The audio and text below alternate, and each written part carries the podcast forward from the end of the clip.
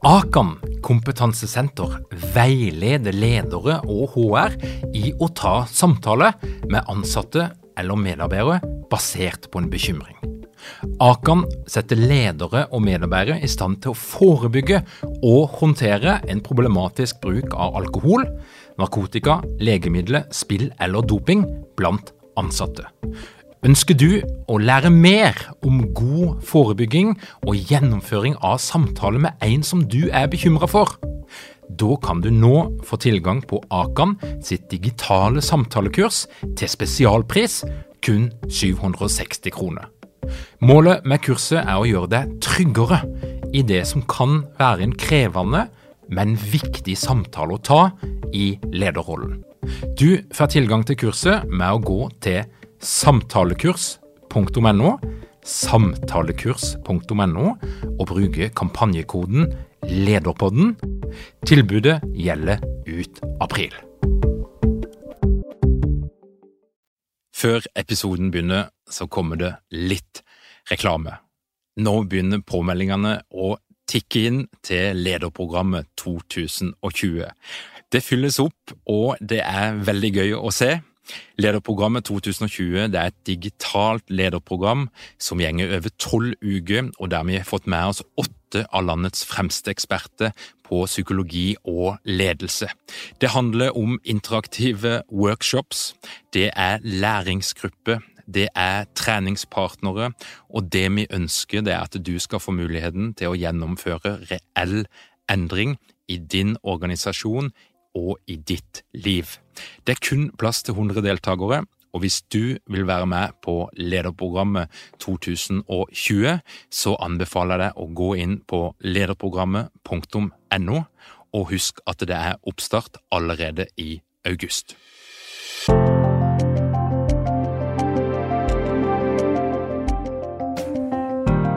Velkommen til Lederpodden. Mitt navn er Tor Åge jeg er organisasjonspsykolog, og dette her er en podkast for deg som er interessert i ledelse. Jeg kommer ifra et sted som heter Vennesla, og i dag så skal jeg ta deg med på en liten reise tilbake til Vennesla.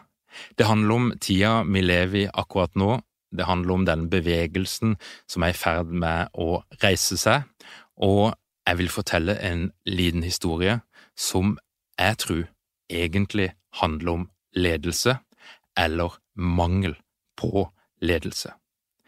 Vennesla 1991. Ei bygd med industri, med mye menigheter og med en arbeiderbevegelse, men òg på det tidspunktet en stor rasistisk bevegelse. Og jeg skal fortelle litt om, om hva som skjedde i Vennesla på den tida. Det var en eh, rasistisk bevegelse som vokste fram, og eh, den ble nok eh, starta av Arne Myrdal, eh, FMI. Det var nok det som, som, som satte i gang det hele. Det var en situasjon der fra slutten av 70-tallet og litt utover 80-tallet så hadde det kommet mange innvandrere til Vennesla, flyktninger fra Kambodsja, fra Vietnam, etter hvert kom det òg noen fra Somalia. Det var familie som kom, og de som kom fra Kambodsja, det var folk som hadde ulike helseproblemer, noen hadde handikap, og de hadde da fått anledning til å flykte til Norge fra Kambodsja eh, av helsemessige årsaker. Og mange var vi som, som fikk noen uh, nye klassekamerater fra nye land. Det var spennende, og som uh, det ofte er med barn, så, så, tror jeg vi var relativt fargeblinde, og vi, vi blei venner. Uh, vi gikk hjem til hverandre, vi var nysgjerrige, men det er sånn jeg husker det. På den andre sida så var det ungdommer som hadde en posisjon. De ble sett på som kule, de hadde en dominerende rolle i ungdomsmiljøet, og det var mange som så opp til dem.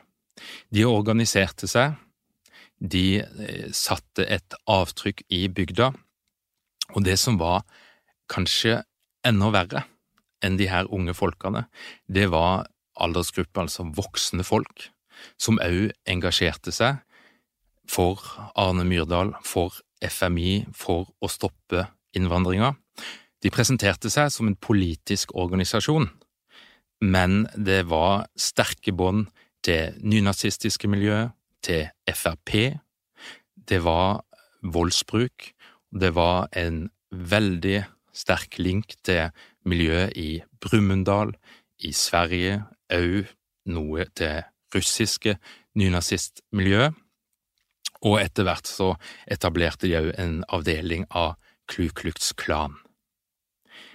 Det var Vennesla, og det som jeg tenker tilbake på eh, med mine 13-årige øyne den gangen, det var, og det som kanskje skuffa meg mest eller opprørte meg, det var at eh, sympatien for denne rasistiske bevegelsen, påvirkninga den fikk, strakk seg langt inn i menighetshus, i speiderbevegelsen. Jeg husker vi fikk besøk hjemme hos min far av en leder i speideren.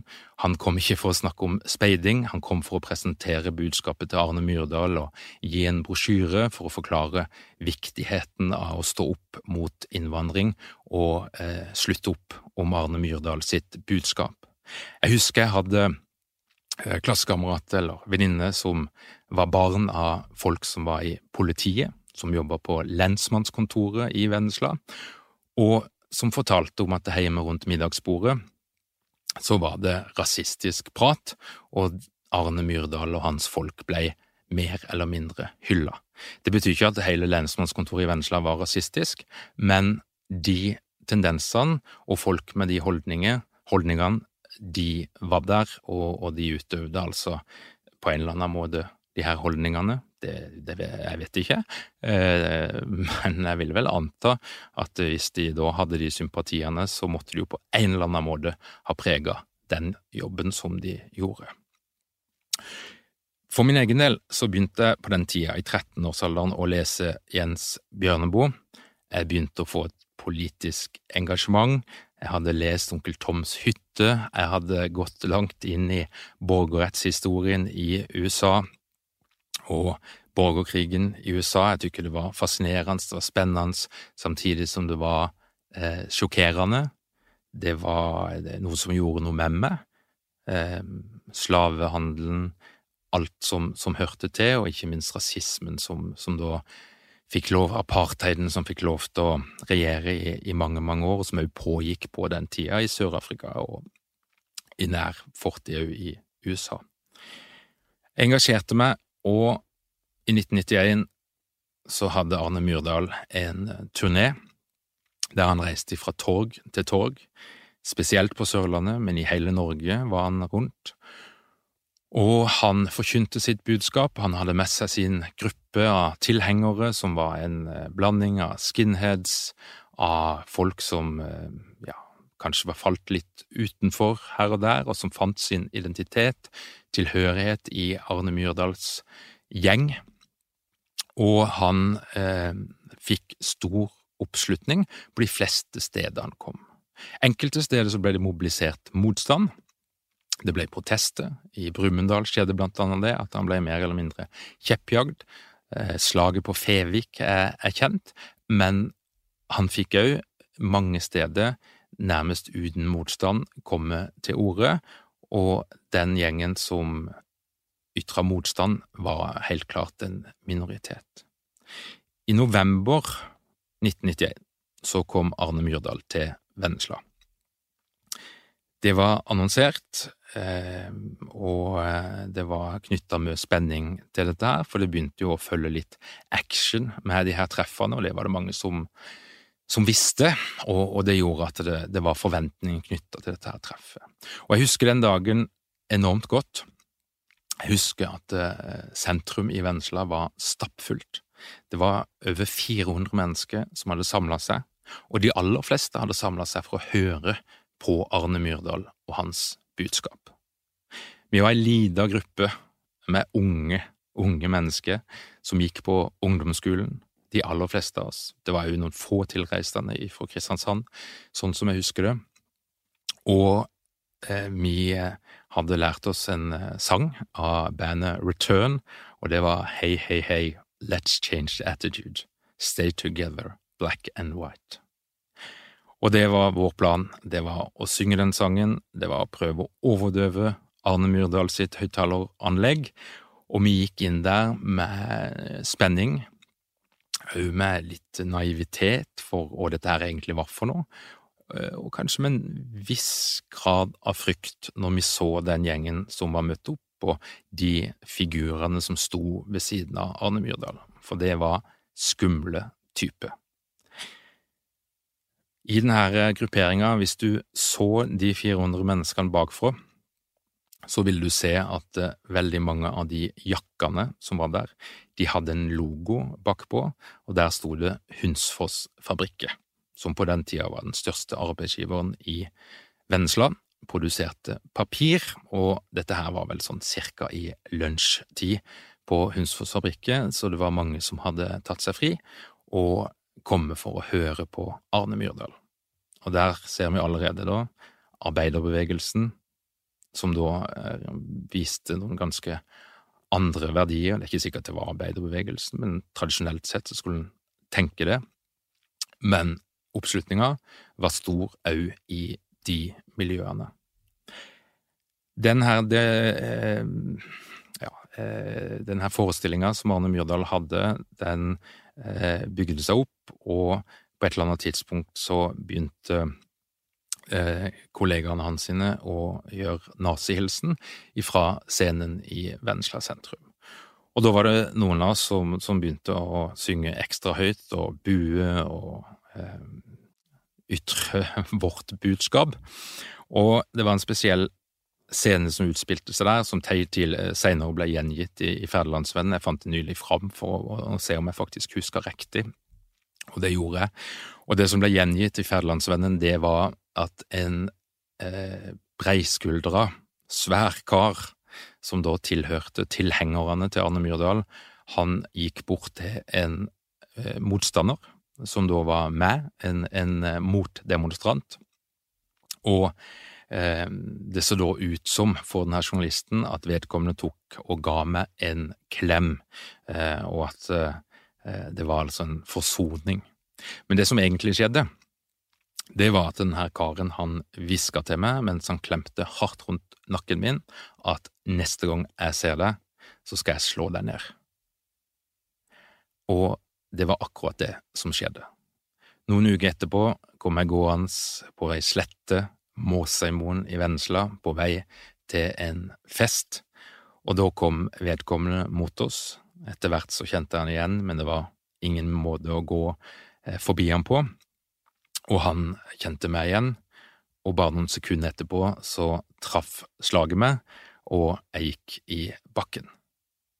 Dette her skjer, og, og for min del så, så, tror jeg jo jeg, dette her er ingenting mot det mange andre har opplevd som faktisk har en fremmedkulturell eh, bakgrunn, men som en 13-åring så satte det en, en vanvittig støkk i meg.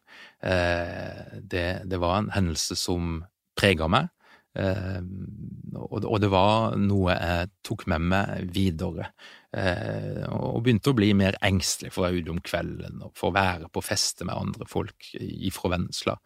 Og det var det god grunn til òg, for etter hvert når jeg da begynte å gjøre det, så, så skjedde faktisk det samme igjen. Um, og det var rett og slett at jeg var da blitt kjent som en antirasist på grunn av min deltakelse i denne motdemonstrasjonen, og det gjorde at jeg da eh, fortjente nok et slag. Og de her folkene som, som da eh, ja, hadde denne voldelige linja, det var, de, de, var veldig populære. Det var de tøffe guttene i Vennesla. Mange, altså, de, som sagt, de så opp til de, de hadde en dominerende posisjon i ungdomsmiljøet. Det var ikke bare meg som ble utsatt for vold. I den samme perioden så ble det skutt mot en somalisk gutt som satt inne i leiligheten sin og så på TV, og ut forbi så kom det en bil, og det ble skutt med ei avsagd hagle. Så vidt jeg husker, så, så, gikk det bra, men det var ikke den personen som skjøt sin skyld, det var tilfeldigheter. Det ble påsatt branner. Jeg husker ei som jeg senere gikk i klasse med. De satte fyr på garasjen hos sin. En familie som kom ifra Kambodsja. Det var trusler.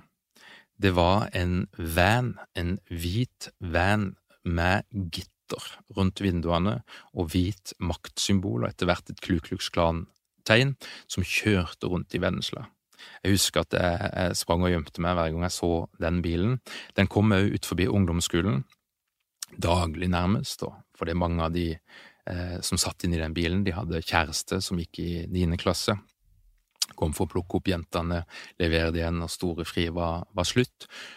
Og hver gang de her bilene kom, så, så stimla det med folk rundt der, og det var for mange stas å prate med dem. Det var et statussymbol nesten å være i nærheten av de her eh, rasistene. De fikk lov til å dominere i Vennesla ganske lenge.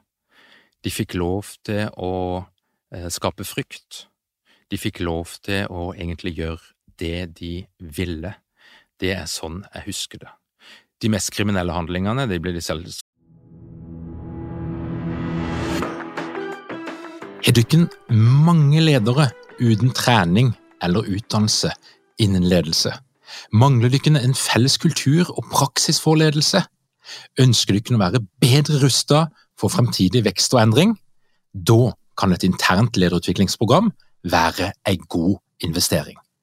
I Execu så er vi eksperter på å designe og gjennomføre bedriftsinterne lederutviklingsprogram. Hvis du ønsker å lære mer om hvordan vi kan hjelpe dykken til å få enda bedre ledere, ta og klikk deg inn på execu.no.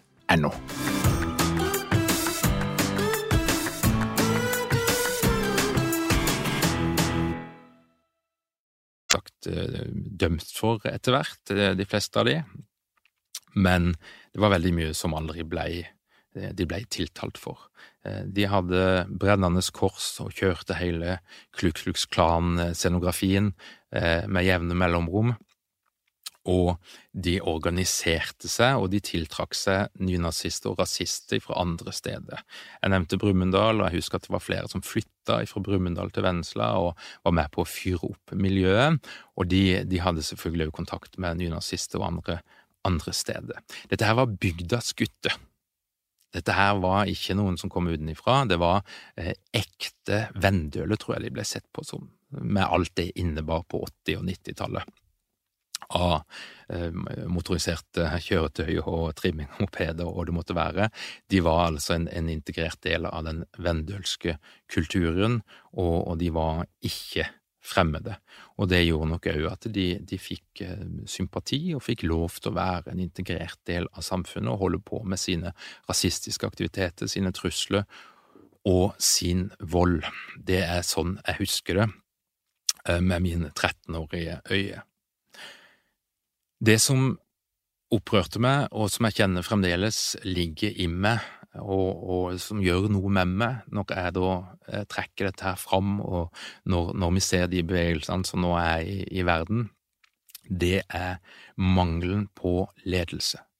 Det er mangelen på at noen tok et tydelig standpunkt, mangelen på at noen organiserte et fellesskap, en motdemonstrasjon, en, en motmakt mot dette her. Som 13-åring så var det nok litt vanskelig å ta den jobben, selv om eh, vi var mange som ønska det.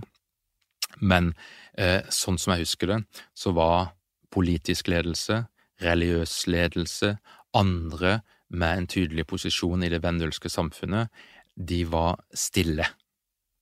Det var enkeltpersoner som gjorde en kjempejobb, som stilte opp og som tok støyten. Husker spesielt en som var journalist i lokalavisa, han var til og med medlem av FPU.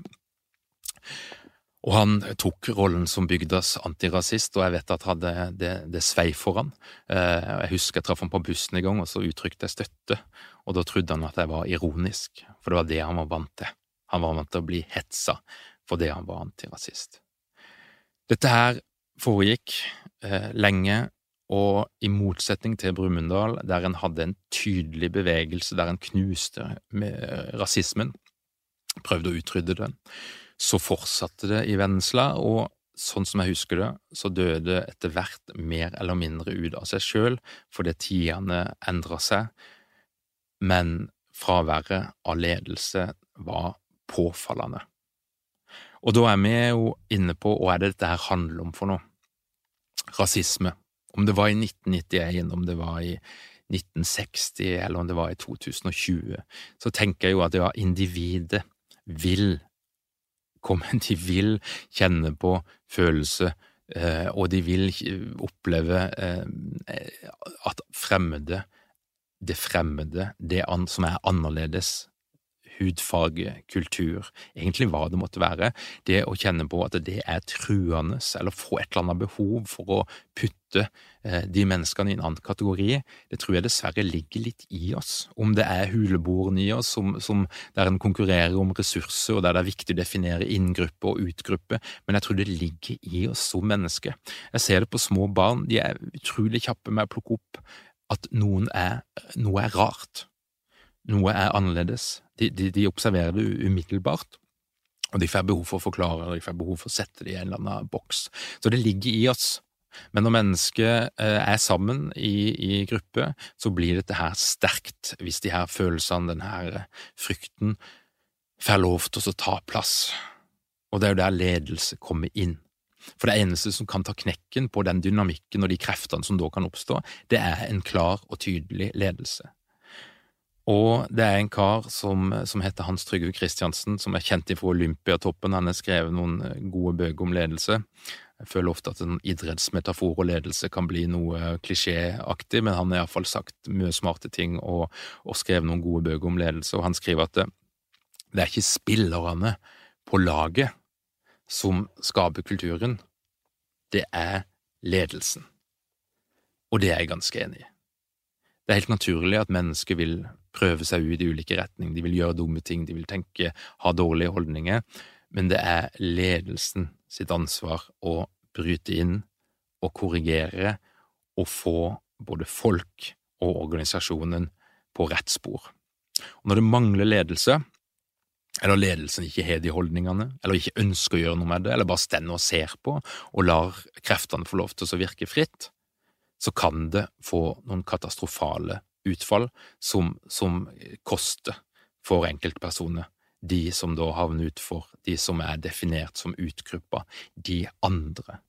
Fluenes herre, for alle som har sett den filmen, viser det eh, på, på, en bestialsk, men, men samtidig eh, elegant måte, åssen den gruppedynamikken virker. Og en vet at med en gang du plasserer noen i ei gruppe og noen i en annen gruppe, så går det ekstremt kort tid før det skapes en identitet og en konkurransesituasjon og en holdning knyttet til oss og de andre.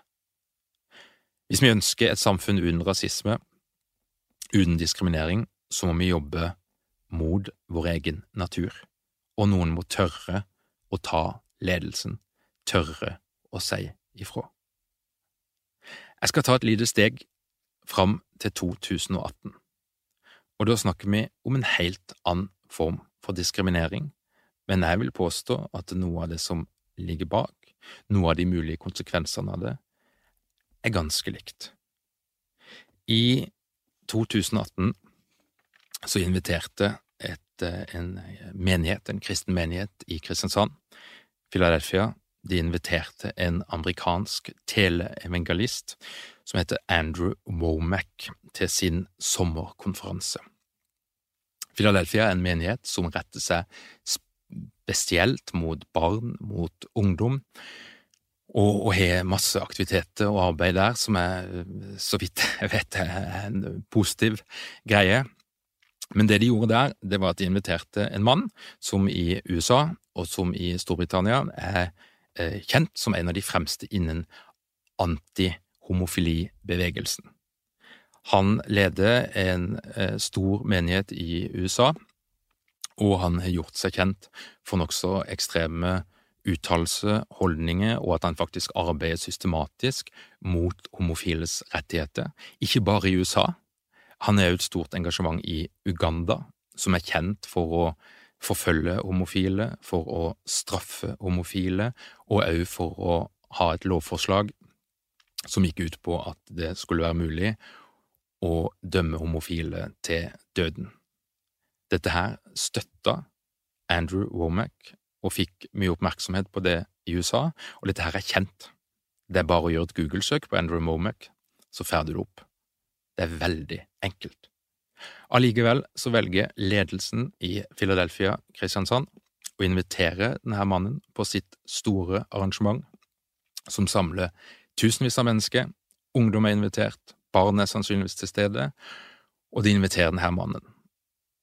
Etter hva som ble skrevet i avisen etterpå, så var ikke homofili et tema, men han ble spurt av journalisten om hans holdning til homofili, og det han fortalte, var at han anså homofili for å være en sykdom. Homoterapi lever godt i de her menighetene. Homofili er noe du kan kureres for, og hvis vi da skal trekke en litt større linje, så handler jo dette her om diskriminering. Det handler om en holdning til at noen mennesker på grunn av sine medfødte egenskaper har mindre verdi eller mindre rettigheter enn andre. Jeg ser på det som relativt likt rasisme. Og igjen, det handler om ledelse. Den samme ledelsen som går ut og forsvarer Jan Hanvold, uten å gå nærmere inn på det, men det handler om ledelse som stender foran, som har påvirkningsmakt, og som da velger å sende ut et signal som vi vet er en del av de faktorene som gjør at homofile velger å ta sitt eget liv, oppleve en lavere livskvalitet enn andre, og spesielt i det samfunnet som vi bor i, på Sørlandet. Dette her er det forska på, det er statistikk på det, og det er umulig for min del å ikke se en link mellom de holdningene som den ledelsen uttrykker gjennom å legitimere en mann som Andrew Womack, og det som vi vet om levekår for homofile på Sørlandet. Det handler altså om ledelse. Hvis vi skal gå fram og prøve å være litt positive, så må jeg jo gå tilbake igjen til Vennesla og jeg må påstå at jeg tror ikke det som skjedde i 1991 for 29 år siden, hadde skjedd igjen. Samfunnet utvikler seg, det flytter nye folk til, det kommer ny kompetanse, det er en større aksept for det å ta utdannelse, og eh, i det hele tatt så, så, vil jeg påstå at eh, for meg, som da ikke bor i Vennesla, men uten, er utenifra akkurat nå, så ser det ut som at det er et samfunn som eh, i veldig liten grad lar rasisme få lov til å blomstre. Men det er jo ikke helt slutt, da.